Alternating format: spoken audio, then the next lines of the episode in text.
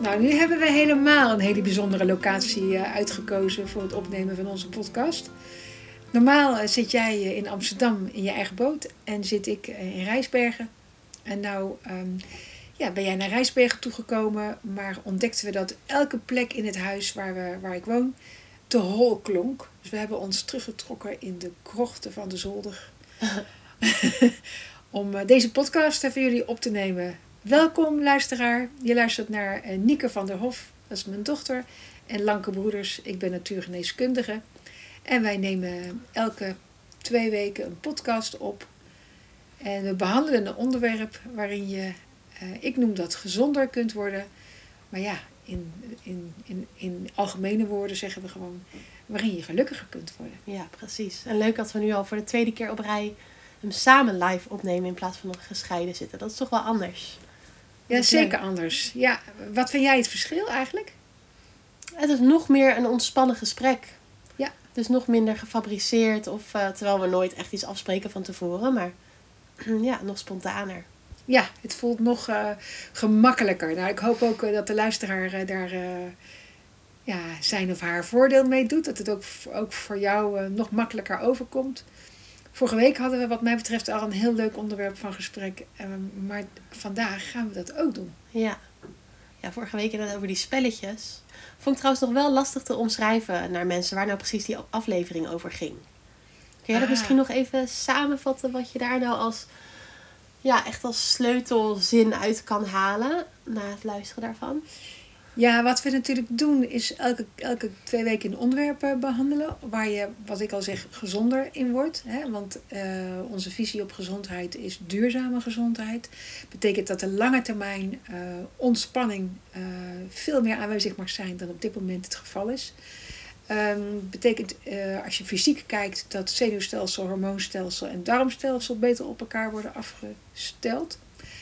Ehm, maar mijn geheime missie onze geheime missie is eigenlijk om um, spiritualiteit veel praktischer vorm te geven. En um, ja, wat is spiritualiteit dan? Nou, dat is eigenlijk gewoon een diep gevoel. Dus wat, voelt goed? Want we hebben het over gezondheid. We hebben het over we willen geen klacht meer. We willen geen pijn meer. We willen geen hè, pijn aan die grote teen, uh, hoofdpijn, um, darmklacht. Of je wil zelfs van psychische klachten af. Uh, maar dan snap je eigenlijk het bruggetje naar uh, duurzame gezondheid al veel beter. Want dat gaat ook over een positief gevoel creëren. Nou, dan even terug naar het spelletje. Een spelletje, als je dat ontspannen kunt spelen, dan betekent dat dus dat je ja, heel veel ontspanning in je leven al hebt in kunnen bouwen. En een spelletje staat dus eigenlijk symbool in zijn positieve vorm voor een um, ja, spirituele ontwikkeling. In zijn negatieve vorm is het zo snel mogelijk winnen, hard er tegenaan gaan, gefrustreerd zijn als de andere wint, uh, daar een haat-liefde verhouding mee hebben. Of misschien zelfs spelletjes al niet eens meer leuk vinden. En in de meest positieve vorm is een spelletje ja, samen op pad om uh, gezellige middag of avond te hebben. Ja, ja. Nou, nu zei je eigenlijk al een beetje het onderwerp van vandaag. Uh, namelijk een positief gevoel creëren. Dat dat ook zo belangrijk is in gezondheid. Dat je inderdaad al met een klacht kan zitten. En in plaats van heel erg op het trauma in te gaan, wat die klacht is, of wat misschien wel ten grondslag aan die klacht ligt, of focus jij in je praktijk ook heel erg op waar diegene dan naartoe wilt? Wat is dan waar je naartoe wil? Wat, welk gevoel geeft, welk, welke wens geeft die klacht jou eigenlijk? Bijvoorbeeld, uh, als jij last hebt van, uh, weet ik veel, een pijnlijk been bijvoorbeeld. Wat is dan het gevoel waar je naartoe wilt? Nou, vrijheid om te bewegen bijvoorbeeld, bewegingsvrijheid. Of, dus zo'n gevoel heb je het dan over. En daar willen we het vandaag eigenlijk ook over hebben, toch? Ja, nou je probeert meteen naar het bruggetje naar te maken naar het onderwerp van vandaag. Maar ik wil nog heel even voor, voor de luisteraar die nieuw is en die deze visie uh, voor het eerst hoort. Um, ook melden dat um, het heel erg aansluit bij de visie die momenteel uh, door de reguliere geneeskunde ook omarmd wordt. En dat is de positieve gezondheid van Machteld Huber. 2016 is die eigenlijk um, um, ja, in het leven geroepen. En vanuit de overheid wordt die steeds meer uh, in de reguliere, geneeskunde ingewijd. En positieve gezondheid gaat ook al over waar krijg je energie van?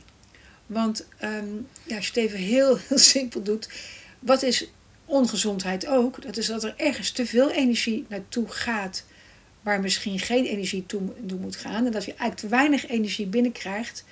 Um, je kunt zeggen om de dingen te doen die, die je leuk vindt, maar het is ook andersom. Als je dingen doet die je leuk vindt, krijg je daar energie van. En ehm, die totale energiebalans is voor je lichaam heel belangrijk om genoeg energie te hebben en te houden om je gezond te maken en te houden. Ja, dus de positieve gezondheidsvisie, die dus nu ook door de reguliere geneeskunde wordt uitgedragen, gaat er dus over dat je niet alleen vrij bent van klachten of ziektes, maar dat je ook ehm, iets positiefs ervaart. En daarmee bedoelen ze dan bijvoorbeeld dat je de regie voelt over je leven. Dat je het gevoel dat je een zinloos, een zinvol leven leidt. Ehm, en dat het dus net zo belangrijk is als vrij van klachten zijn. En jij gaat natuurlijk nog verder en jij ziet daar echt een verbinding tussen. Ik zie er een verbinding tussen en ik ga ook nog verder in de zin van uh, welk gevoel wil je creëren. Dus hè, positieve gezondheid zegt echt van nou, hoe kun je de regie houden in, uh, in elke hè, omstandigheid. En dan onderscheiden ze ook verschillende vlakken. Sociaal, uh, werk, hè, dat soort dingen. Privé. Maar ik ga nog een stapje verder, want ik wil ook, ja, ik ben ook doelgericht als mens. Ik wil ook dat je naar een bepaald doel kunt toe ontwikkelen. En uh, dat we dat doel ook duidelijk krijgen. En inderdaad, wat jij net eigenlijk al zegt. Het mooie is dat je uh, chronische klacht uh, inherent laat zien. ik weet niet of inherent hier op zijn plek is. Maar dat je chronische klacht laat zien. Dat er inherent aan je chronische klacht is. Um, welk positief gevoel je zou willen. Dat is voor mensen niet makkelijk. Want als ik gewoon aan een, een nieuwe cliënt vraag die binnenkomt van ja wat wil je ontwikkelen? Ja, dan weten ze het natuurlijk vaak niet. Want dan is het gewoon van ja, ik wil gewoon beter in mijn vel komen. Want ja, je zit nu niet lekker in je vel. Hè? Of, uh, en dat zei ik net al, als je, als je een psychische klacht hebt, is dat vaak al een stukje makkelijker. Um, hè? Maar, uh, dus het is, vergt al best wel wat doorvragen en doordenken om uh, bij het positieve gevoel uit te komen. Want ja, als je, als je um, begint met dit omdenken in je hoofd, dan kom je vaak bij containerbegrippen uit. Ja, zoals iedereen wil wel beter in zijn vel komen. Dat is iets heel algemeens. Maar wat is er nou echt specifiek een gevoel wat je meer zou willen hebben? Maar op die manier denken we natuurlijk niet echt over gevoelens na in onze samenleving. Gevoelens die overkomen je zijn gevolgen van. We denken niet over gevoelens na als zijnde iets wat je kan creëren. Nee, en dat is nou juist het mooie, dat dat dus wel mogelijk is. He, dus um, dat wel mooi wat je dat zegt van ja, containerbegrip en dan noem je al uh, blij en lekker, je noemt op lekker in je vel zitten, maar blij is er ook eentje van. En ja, die ik nog de meest gave vind, is bijvoorbeeld vitaliteit. Vitaliteit is een uh, gevoel bij uitstek of een uh, gezondheidsdoel bij uitstek, wat, uh, wat in mijn ogen drie vlakken bewandelt. Het, het bewandelt het fysieke niveau, het mentaal-emotionele niveau en het spirituele niveau. En uh, als ik zie mensen heel vaak verbaasd kijken als ik dat dan uitleg. Maar ja, dat vind ik zelf een hele mooie inkopper. Hè? Omdat als je reclame ziet over vitaliteit, zie je dat bijvoorbeeld ook. Hè? Je ziet dan mensen um, uh, kunnen fietsen of kunnen wandelen, maar vaak is het fietsen. Hè? Nou, dat is het fysieke niveau. Je ziet mensen blij zijn en onbezorgd, mentaal-emotionele niveau. En je ziet mensen samen in een groep of in een familie, of je ziet mensen ook samen zijn. Dus de verbinding of uh, een familieband of zo. Hè? Dus dat ja, is het spirituele niveau. Diepe tevredenheid, blijdschap, geluk, rust. Ja, dat zijn echt diepere gevoelens. Ja. Wat het spirituele niveau is. Ja, dus, dus reclame de wereld, die weet het wel. Die koppelt gewoon al die drie die, uh, velden aan elkaar vast. Uh, hè, dus nog een keer herhalen, fysiek, mentaal, emotioneel en spiritueel. Terwijl ja, als jij last hebt van een blaasontsteking, waar ze van spreken, dan denk je, goh, ik haal een pilletje bij de huisarts. En dan wil je eigenlijk ook meteen die vitaliteit hebben. Maar die vitaliteit, je zit niet alleen maar in het fysieke niveau, maar ook op die andere.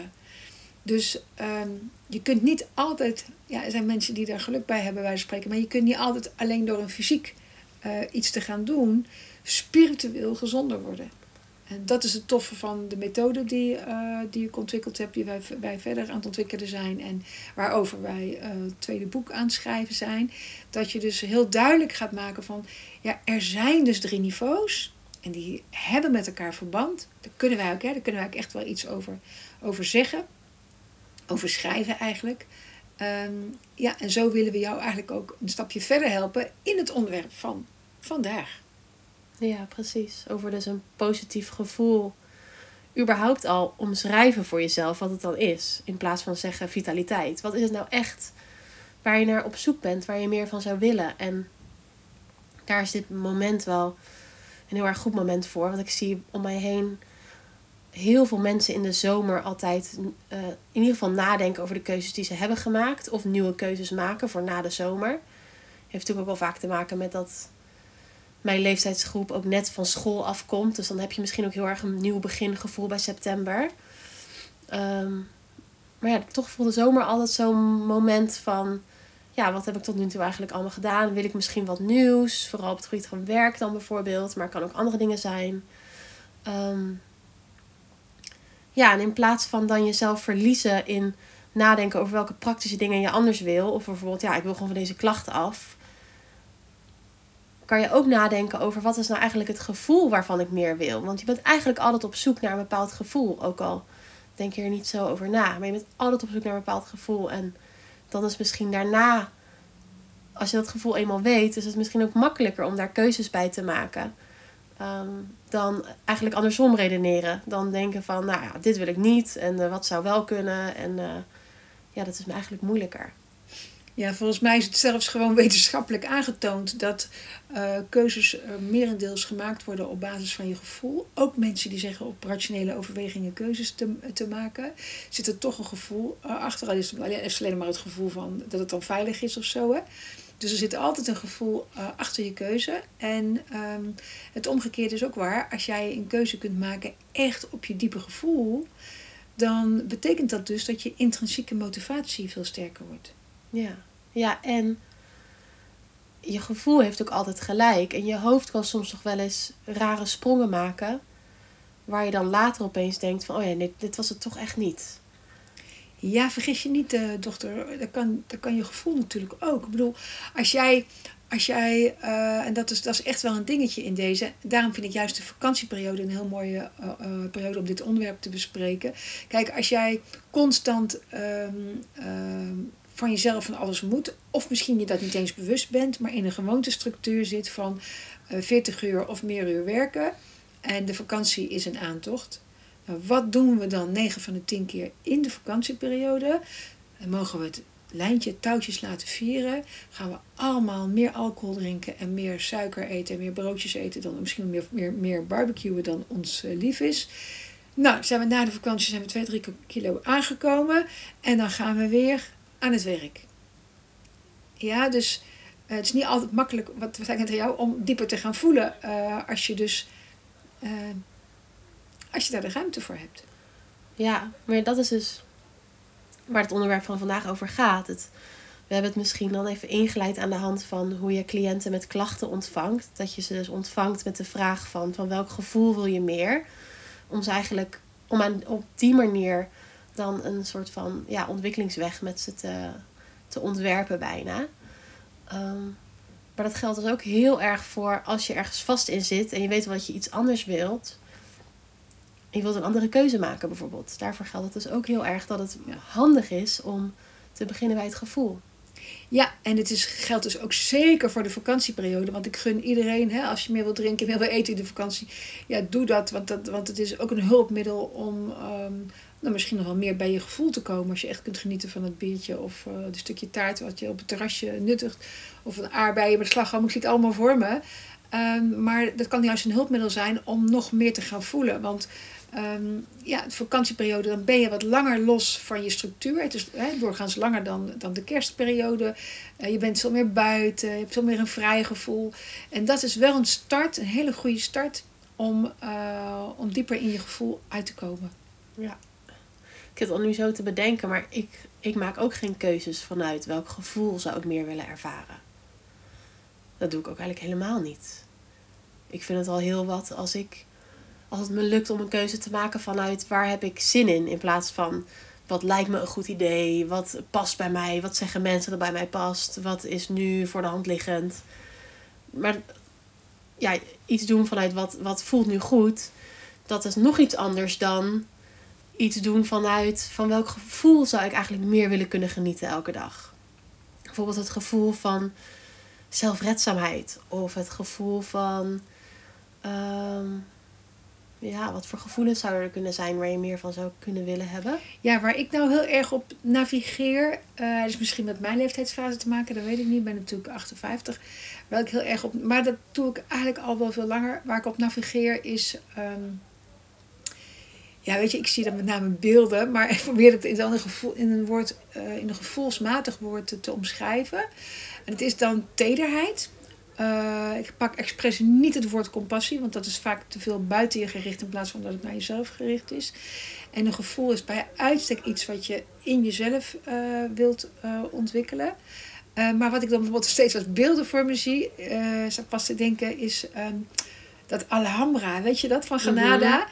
Met dat hele mooie, fijne ja, siersteenwerk of zo. Dat je al die, dus die, die ja, soort van fijngevoeligheid of... Um, tederheid. Ik heb daar zelfs een kleur bij, weet je dat? Ja.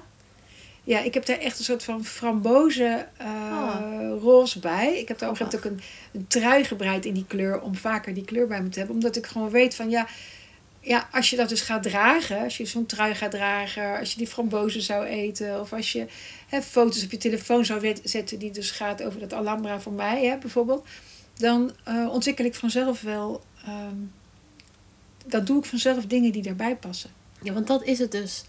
Dat is zo bevrijdend aan deze methode van uh, ontwikkelen. Dus is het een ontwikkeling omdat je een klacht hebt of omdat je iets anders wilt of onbestemd gevoel. Maar het is heel fijn om het op deze manier te doen, want als je naar een bepaald gevoel toe wilt, en dat is altijd, dat ligt altijd ten grondslag van een andere keuze maken. Hè? Eigenlijk wil je naar een bepaald gevoel toe. Ook al denk je van nee, ik wil een carrière maken of dan wil je naar een bepaald gevoel toe van uh, erkend worden of weet ik veel wat daaronder kan liggen. Maar je wil altijd meer van een bepaald gevoel. En als je teruggaat naar dat gevoel, dan zijn er opeens veel meer wegen die naar Rome leiden.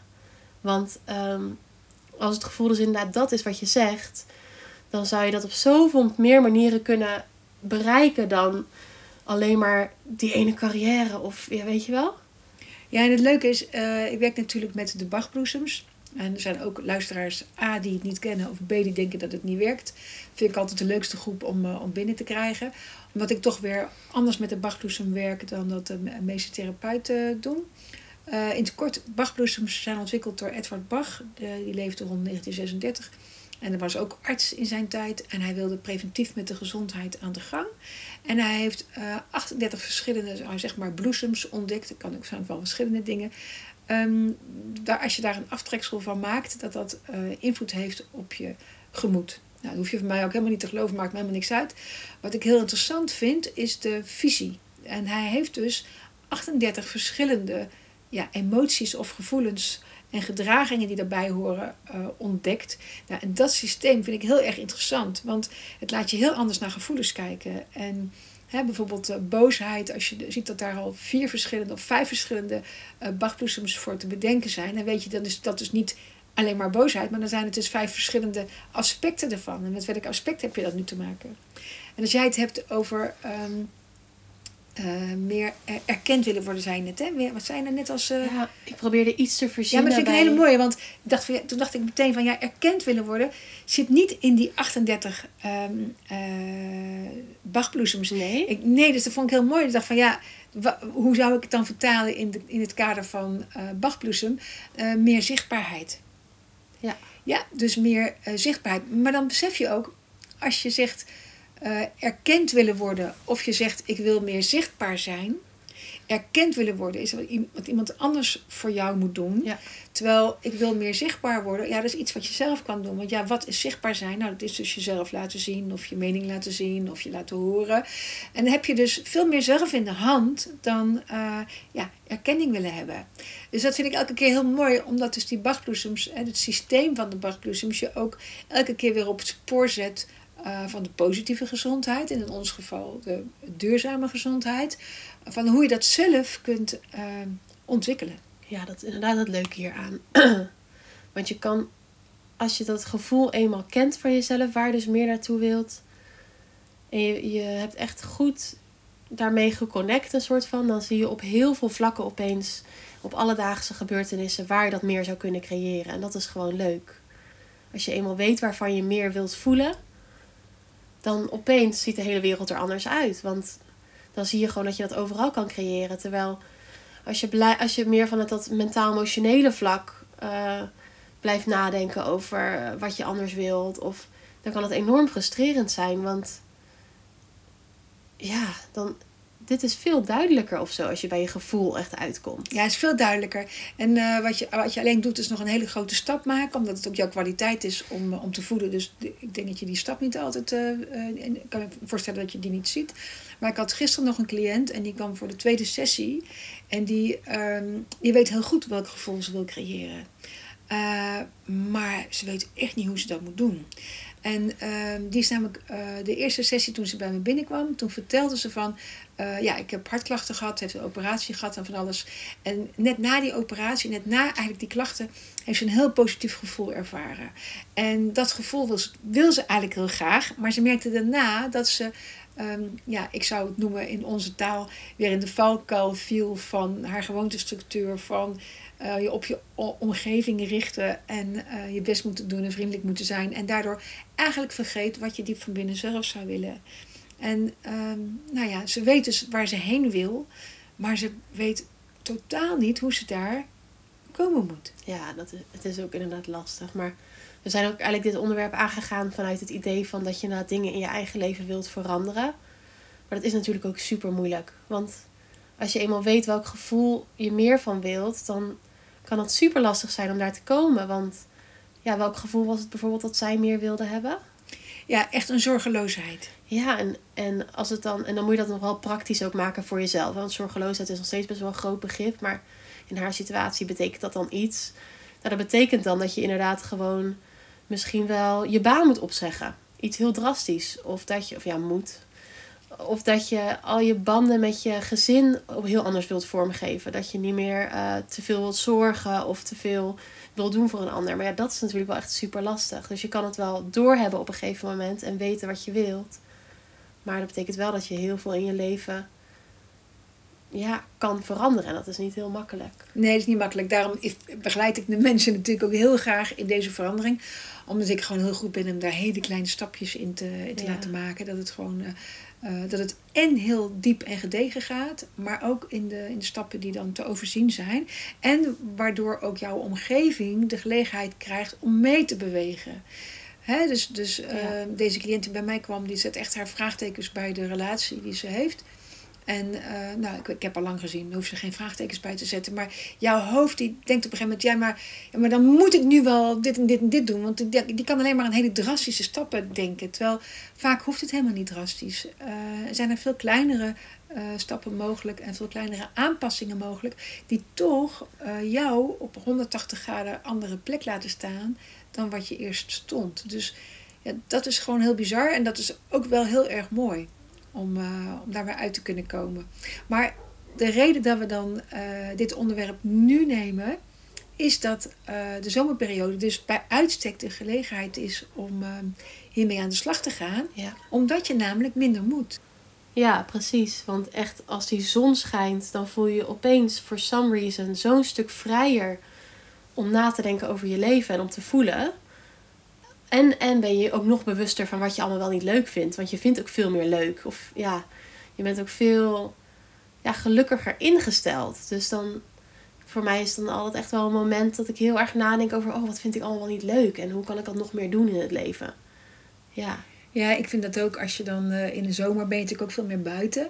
En als je buiten bent, lijkt het ook altijd wel alsof je veel makkelijker loskoppelt van... Ja. Uh, hè, werk en zo doen we allemaal toch binnen. Hè? Dus, dus ja, buiten is ook een ja, maar ook loskoppeld van in de natuur kom je ook altijd weer even in contact met gewoon de wereld zoals die is, zonder wat wij er voor invulling van hebben gegeven, aan hebben gegeven. Dus dan kom ik ook altijd heel erg los van wat denk ik dat ik wil, omdat de overheid dat in mijn hoofd heeft geplaatst of de samenleving. En wat, waar gaat het nou eigenlijk echt om? Dat voel ik ook altijd heel erg goed in de natuur. Van, oh ja, dit wil ik eigenlijk helemaal niet per se. Maar ik denk dan dat ik dat wil, omdat. Ja, want net uh, voordat, uh, voordat de uitzending begon, of uh, de podcastopname begon, vertelde je eigenlijk over jezelf dat je een keuze hebt gemaakt, hè? Ja, ik ben weer echt een enorme weegschaal geweest. En dat is lang geleden, want ik kon altijd heel goed keuzes maken. Maar het afgelopen jaar, of misschien anderhalf jaar of twee jaar misschien, ben ik echt een enorme weegschaal toch weer echt geweest. En kon ik echt geen keuze maken. Omdat ik echt zo zat van, ja, afgestudeerd. Uh, en ik, ik ging overal een beetje half voor. Uh, ga je dan een soort van goede baan vinden? Of, uh, nou, ik wist het gewoon echt niet. Super moeilijk. En het is heel makkelijk om gewoon voor die baanoptie in ieder geval te gaan. Want je hebt geleerd dat dat ook heel betekenisvol is. En, maar het kostte me te veel energie. Dus ik stopte steeds. Als ik aan het solliciteren was, stopte ik ook alweer best wel snel. Of deed ik net niet genoeg mijn best. Dus ik voelde het blijkbaar ook niet goed genoeg. Na al dat uh, zoeken en nadenken en moeilijke, uh, ja, gewoon echt dingen proberen. Naar daar wel meer stoppen en baantjes. dacht ik gewoon, ik ga weer studeren. Dat leek me nou echt heel prettig. En dan deed ik ook een studie een masterstudie die iets te maken had waar ergens het woord wildlife management in de beschrijving zat. Dat bracht me dan toch nog iets verder bij dieren. Waar ik eigenlijk heel graag iets mee wil, maar wat ik maar geen vorm kon geven. Want ja, ik heb antropologie gestudeerd en ja, wat is dat? Ja, wat, ja. ja ik denk dat mensen dit heel erg herkennen die misschien ook een, uh, een universitaire studie hebben gedaan en daarna. Maar ja, we hebben natuurlijk meer luisteraars van jouw leeftijd die al lang in hun werkleven zitten. Ja. Maar ja, dan herkennen ze misschien dan bij hun kinderen. Hè? Dat inderdaad, je ziet dus dat steeds meer jongeren behoefte hebben aan, uh, aan het tussenjaar. Of als ze weer gaan werken, dat ze toch, dat ze toch niet weten wat ze dan, uh, wat ze dan gaan doen. Hè? Dat ze toch neiging hebben om er even tussenuit te gaan. Motivatiegebrek hebben. Um, ja, er zijn gewoon veel meer keuzes mogelijk uh, in, in deze jaren dan wij vroeger hadden. En het is toch minder normaal om uh, te doen wat je ouders gedaan hebben. Ja, dat is ook allemaal. Er zijn ook heel veel keuzes bijgekomen van heel veel studies. Zo heel veel binnen de sociale wetenschappen bijvoorbeeld. Ja, dat zijn studies die echt wel gaaf zijn om te volgen en dat soort dingen. Maar ja, wat leer je nou eigenlijk? Het is veel minder echt arbeidsmarktgericht. Hè? Je, je, je gaat niet meer een studie doen om iets te worden. Het zijn nu allemaal studies die super gaaf en interessant zijn, maar ja, die, die leveren je dan ergens af op de snelweg zonder invoegstrook, bij wijze van spreken. Het is allemaal heel. Ja, het is allemaal heel anders of zo. En ik heb echt het gevoel. Ik heb natuurlijk heel veel gaafs geleerd uh, wat het nadenken betreft. Maar ik kan voor mijn gevoel helemaal niks naar die bachelor antropologie. Niks. Schrijven. Maar zelfs dat, ja. Ja, nee, ja. Dus dat was wel even een eye-opener. Vooral toen ik die boot kocht, wat echt vanuit het gevoel was dat ik dingen zelf wilde doen. Nu begrijp ik dat nog beter, want nu heb ik ook over dat gevoel nagevoeld, zeg maar. Omdat ik zo die studie, die masterstudie, wil ik me eigenlijk weer voor uitschrijven, namelijk. Want dat voel ik helemaal niet. Nou, ooit kocht ik mijn boot met het idee van. Uh, dat je niet meer iemand hoeft, of dat je niemand iemand gaat bellen als, als je een loodgieterprobleem hebt, maar dat je het zelf moet doen. Dat vond ik nu zo'n aantrekkelijk idee. Wat natuurlijk helemaal niet aantrekkelijk klinkt. Want juist van huren is het zo fijn dat je iemand kan bellen die dan de lek in je pijpleidingen. Ja. Maar dat wilde ik juist niet meer. Um, dat wilde ik zelf leren. En uh, opeens was ik afgelopen week aan het roepen dat ik wel klusjesvrouw wilde worden. En opeens kreeg ik gisteren in de namiddag het gevoel van... Ja, maar dat kan toch gewoon? Ik, ik zou gewoon een studie kunnen volgen. Intern ga je dan anderhalf jaar. En dan heb je en een salaris. En je wordt intern opgeleid tot elektricien met alle certificeringen. Dat kan ook gewoon dat soort dingen. En dan heb je dus vaardigheden waar je de rest van je leven wat mee kan. Je kan echt wat. Nou, dat leek me nou zo fantastisch.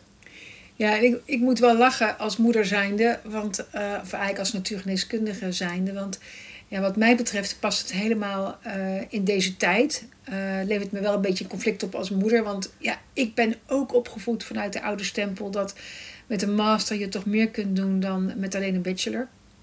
Tegelijkertijd ben ik dus natuurgeneeskundige en hebben we ook een visie op gezondheid.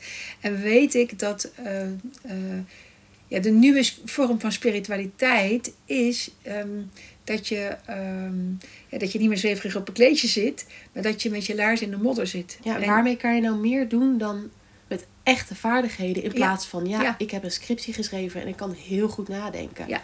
Daar, Ja, en zelfredzaamheid, zelfwerkzaamheid, eh, autonomie, en, eh, eh, identiteit. Het zijn allemaal ontwikkelingen, eh, het zijn allemaal woorden die passen bij de, eh, de nieuwe vorm van spiritualiteit, wat mij betreft. En ja, dus dat is het grappige ervan, dat, ja, dat wij in, in, in, in deze manier van denken en kijken naar gezondheid.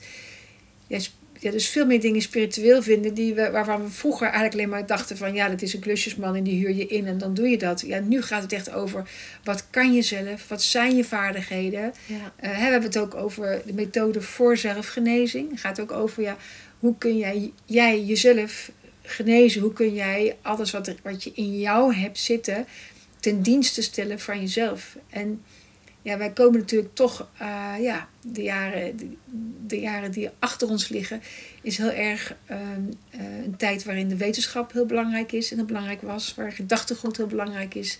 En wat mij betreft, ja, we gaan eh, naar een zijnstijdperk toe, of je kunt het noemen de vijfde dimensie. Het zijn allemaal woorden die ik eigenlijk niet in mijn praktijk gebruik, eh, maar die natuurlijk, waarvan ik wel weet dat ze spelen. En dat, dat gaat eigenlijk over onze nieuwe vorm van spiritualiteit. Hoe kun je eh, je, eigen, ja, je eigen handen en je eigen lichaam gebruiken om ehm, ja, je gezond te voelen en ook gezond te zijn. Dus ja, dan heb je het over handelen, voelen en zijn. En dan valt dat weer samen. ja, en dat voelt ook gewoon. Als je het hebt over een bepaald gevoel, want daar zit ik nog wel over na te denken. Want ik, ik heb er wel een bepaald gevoel bij hoor, maar ik zou het niet kunnen omschrijven. Het is een bepaald gevoel met associaties ook natuurlijk. Van wat, wat, ik, wat ik dan zou willen. Maar als je het dan zo omschrijft, dan voelt het alles ook wat je nu zegt als gewoon weer opnieuw echt mens worden. Want we zijn er heel ver van afgedreven, heb ik het gevoel. De meeste mensen kunnen, zouden hun eigen eten niet bij elkaar kunnen rapen als ze in een bos losgelaten worden. En dat is natuurlijk eigenlijk vreemd, hè, want we zijn dieren. Dus dat moet iets met je gevoel ook doen. Ook al heb je dat misschien niet door, dat moet toch aan je knagen. Want je hele DNA wil dat in principe kunnen. Je hele DNA wilt zelfredzaam zijn, want je bent gewoon een dier. Dus misschien dat veel midlife crisis of zo die er plaatsvinden, eigenlijk ook wel te herleiden zijn naar die fout, wil ik dan bijna zeggen, die we als mensen maken. Ja, fout. Ik weet niet, alles gebeurt omdat het gebeurt. Dus dat is ook een natuurlijke verloop. Maar misschien dat we nu dan wel weer op een punt uitkomen dat we weer als mensen terug willen naar het dierlijk mens zijn. En dat ook weer herkennen als zodoende of zo. Ja, ik weet Maar mooi, want ik zie- hoor, hoor hier nu toch de cultureel antropoloog eh, spreken. dat aan de ene kant. En aan de andere kant, ja, weet je, ik denk dat, ehm, dat wat wij nu missen in, eh, in onze eh, maatschappij, in, in Nederland, is dat heel veel mensen gewoon ehm, ehm, zich niet voldaan voelen. Dus dat ze zich onvervuld voelen, onvoldaan voelen, niet verbonden voelen. En eh, dat heeft dus een connectie met deze Ja. zelfredzaamheid. Ja, dat denk ik ook. Daarom gaan we allemaal meer eten en meer drinken. Terwijl eigenlijk willen we gewoon, ja, ontspanning, doen wat goed voelt, überhaupt voelen, de ruimte hebben om te voelen. Uit het hele elkaar pleasen. Ja, dus nou ja, koop ons boek maar als het zo meteen uitkomt. ik vrees, ja, ik vrees dat we deze, eh, de- deze podcast in tweeën gaan opnemen. Want eh, het onderwerp van vandaag is eigenlijk, ja, we- we- welk gevoel wil je gaan creëren? En we hebben het natuurlijk nog niet helemaal over gehad Nee. van, ja, hoe ga je nou dat gevoel creëren? Ja. Dus dit wordt een podcast eh, in tweeën. Ja. En we hopen dat we jullie flink aan het denken hebben gezet. En dat, die, grijze hersencellen flink eh, in beweging zijn nu. En eh, nou, dat wordt dan een aardige cliffhanger om eh, op door te gaan de volgende keer. Ja, tot over twee weken dan. Dankjewel, lieve dochter. Dikke knuffel. Dankjewel. Luisteraar, dankjewel voor het luisteren. En hopelijk tot over twee weken. Dag! Doei.